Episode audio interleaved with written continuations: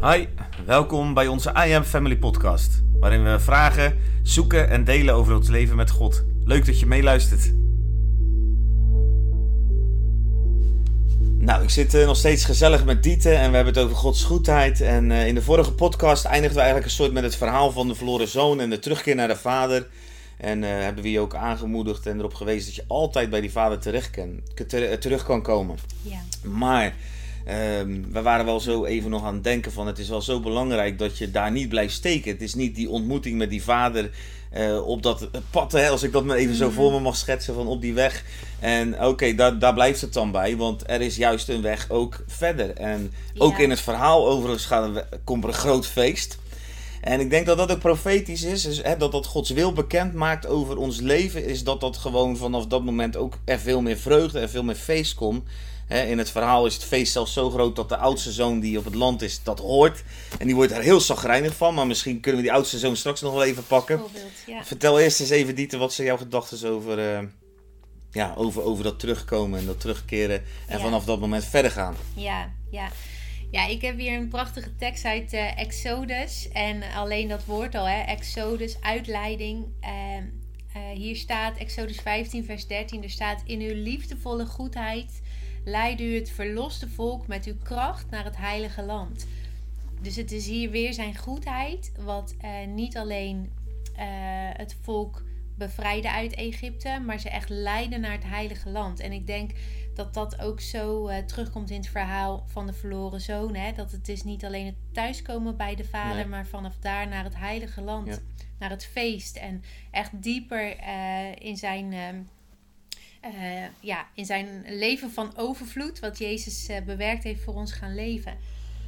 Ja, als ik daaraan denk, dan eh, geloof ik dat er zoveel mensen zijn die elke keer opnieuw denken: Oh, ik moet weer thuiskomen bij de Vader.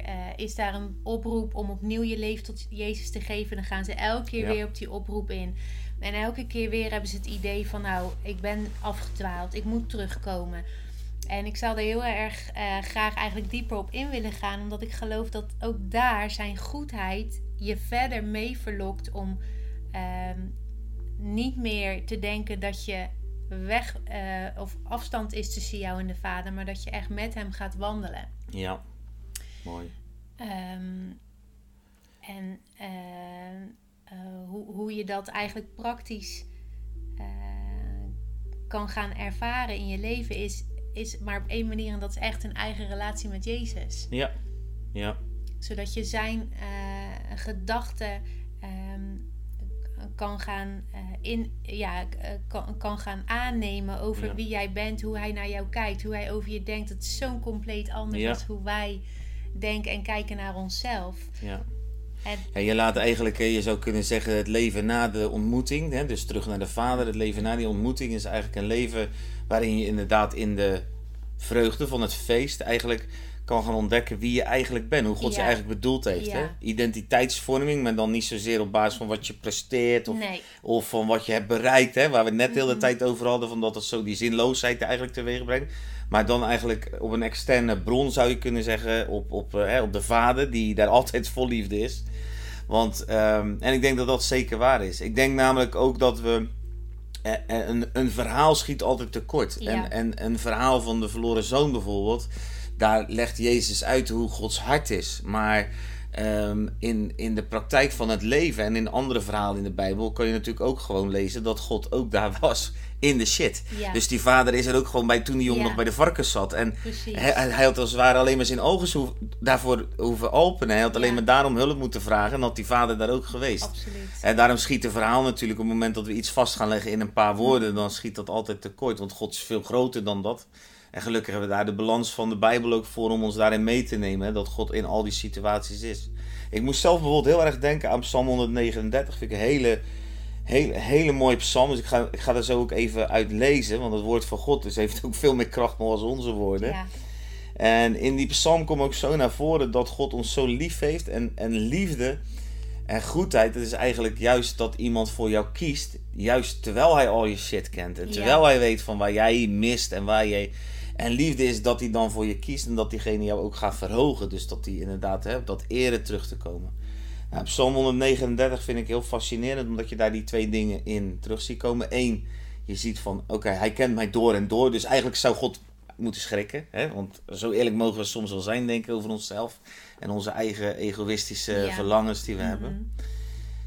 Maar tegelijkertijd vinden we daar ook in van dat God een plan heeft voor ons leven. Dat hij eigenlijk bestemming heeft. Dat hij eigenlijk al een droom heeft voor ons. Absoluut. En dat die, die droom, eh, dat is denk ik dat startpunt op het moment dat wij weer bij die vader zijn. En die vader in alles gaan betrekken. Dus ook in onze shit. Ja. Dat we hem eigenlijk ruimte geven om die droom die hij ooit al had in de hemel over ons. Om die ook daadwerkelijk uit te gaan werken samen met ons. Waardoor we uiteindelijk tot bestemming, hè, dat is een beetje een vaag woord bestemming. Maar dat we uiteindelijk in onze bestemming komen. Ja. Zoals je een auto ook gewoon uiteindelijk een doel heeft. Ja. En je wil ergens heen. Ja. En ehm, ik ga even die psalm lezen, want ik denk dat dat mooi is.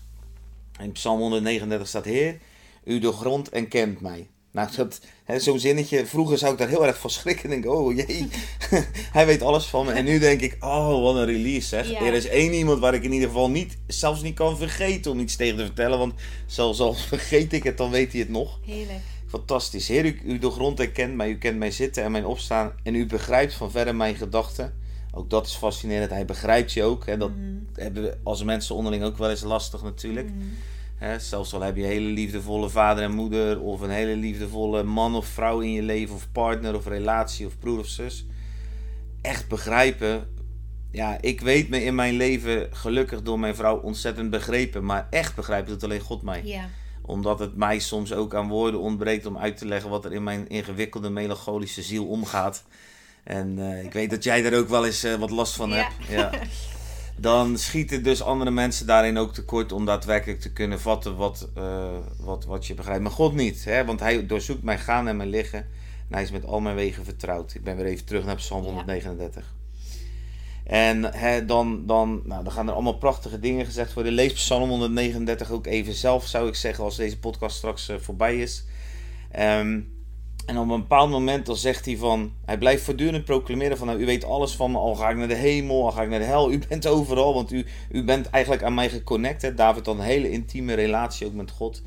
En, en dan op een bepaald moment zegt hij eigenlijk want. Dus wa- waardoor dat komt, dat God zo bij hem betrokken is en dat God hem zo najaagt en voortdurend met zijn leven eh, eh, betrokken is. Want dan zegt hij, want u heeft mij geschapen en mij in de schoot van mijn moeder geweven. U hebt mijn nieren geschapen, mij in de schoot van mijn moeder geweven. Nou, dat beeld alleen al van, van hoe God eigenlijk nieuw leven creëert vanuit die twee mensen die bij elkaar komen, weer dat nieuwe weeft. En, en met die mogelijkheden die hij heeft, heeft hij een plan. En dan, dan zegt hij, ik, ik loof u omdat ik ontzagwekkend wonderlijk gemaakt ben. Nou, ik denk dat ieder mens als hij naar zichzelf kijkt, ehm, toch wel heel veel geloof moet hebben om te geloven dat dat bijvoorbeeld door toeval is ontstaan. Hoe fascinerend zijn wij mensen. Hoe intens zijn wij mensen, hoe oneindig zijn wij mensen, hoe... Ja, dat moet wel, dat, dat de kans dat dat door toeval is ontstaan, dat, dat is zo bizar, dat is zo verwaarloosbaar. En, en voor David, die die psalm schrijft, zegt hij, ja, ik, ik ben daar verwonderd over, ik ga God daarvan loven. En dan, dan staat er zo mooi dat de ogen van God hebben zijn ongevormd begin gezien. Dus zelfs voordat hij vorm had, hè, dus echt nog foetus was, in die eerste paar weken, eh, heeft God eigenlijk in, en, en dan staat er mijn ongevormd begin, en werden alle dagen werden in uw boek beschreven. De dagen toen er nog niet één van hem bestond. Daarom hoe kostbaar zijn mij uw gedachten, o God. Ik vind dat zo fascinerend, want ik weet dus dat er van ieder mens, dus ook van Albert en ook van Dieter, is er een, eigenlijk een droom. Ik zie dat zo voor me. God die zit daar en die, die, die maakt ons, die heeft die twee materialen tot beschikking, hè, de vader en de moeder. Ja. En daarin maakt hij iets wat voor hem helemaal perfect is. Voor de tijd waarin we leven. Voor het momentum. Voor, voor dat, dat alles bij elkaar komt. En heeft hij een droom over ons. Ja, dat, dat raakt mij heel erg. En Ja. ik denk dat dat eigenlijk, als je. Hè, dus even dus weer naar die vader van, van, die, die, van het verhaal uit Lucas 15. Dat is die vader die ook in Psalm 139 vertelt: Ik heb een droom over jouw leven. Ja. En ik geloof echt, en dat is ook mijn persoonlijke ervaring, dat hoe meer ik probeer te bewegen in die droom die God over mijn leven heeft, hoe avontuurlijker, fascinerender, maar ook hoe, hoe meer vrede er eigenlijk in mijn leven is. Dat Dat, is ook de goedheid van God. Als we het over goedheid van God Ja. hebben, is dat Hij gewoon een fascinerend plan had voor, voor ons leven. Ja.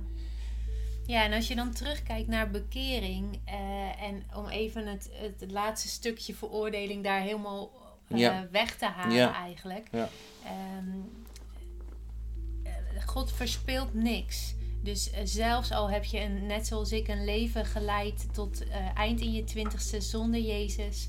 eh, in die tijd zijn er dingen gebeurd. Ehm, God verspeelt daarvan niks. En elk ding wat jij van hem gekregen hebt en misschien heel anders hebt ingezet, helemaal niet volgens zijn droom, helemaal niet volgens zijn plan.